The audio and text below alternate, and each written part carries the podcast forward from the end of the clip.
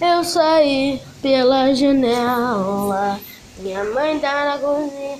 Saí pela janela e fui pra festa. Tá, tá, tá, tá, tá, tá. Agora que eu sei que não vai me pegar porque me deixou de castigo. Me deixou de castigo, foi no bailão.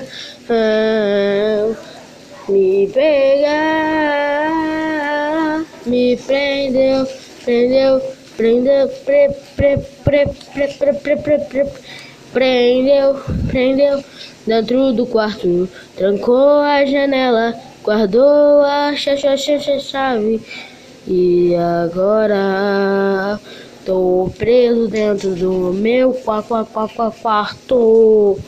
Lá não sei, vocês podem me ajudar. Bear